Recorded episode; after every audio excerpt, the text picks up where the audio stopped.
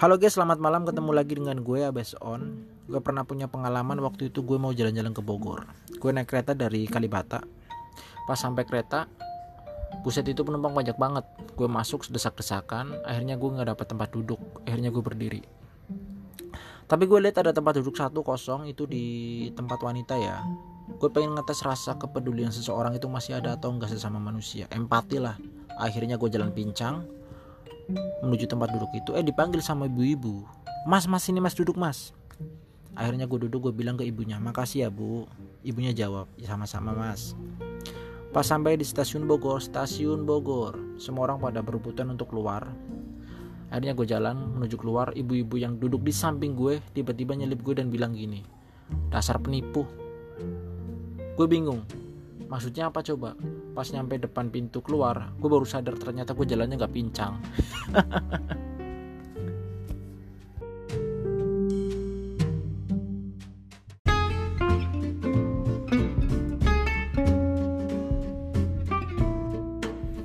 Assalamualaikum warahmatullahi wabarakatuh. Ketemu lagi dengan gue yaitu Abai Soon Dalam acara CCM Cuap-cuap malam Oke untuk kali ini gue ingin bahas tentang yang namanya Corona. Yes Corona. Itu musuh gue. Kalau dia bentuknya ada Mungkin gue udah pecek-pecek Udah gue pites Udah gue pelintir-pelintir Udah gue injek-injek. Tapi sayang Corona itu bentuknya kagak ada.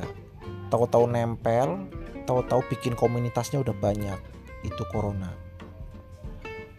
Memang benar sih corona itu imbasnya sangat besar sekali ya bagi perekonomian semua negara lah yang kena corona. Gara-gara corona gue nggak bisa jalan ke mana-mana, nggak bisa jalan-jalan ke Dufan, nggak bisa jalan-jalan ke Ancol, nggak bisa jalan-jalan ke Monas. Walaupun udah news normal ya, sekarang bayangin coba ke Dufan, ke Ancol, ke Monas.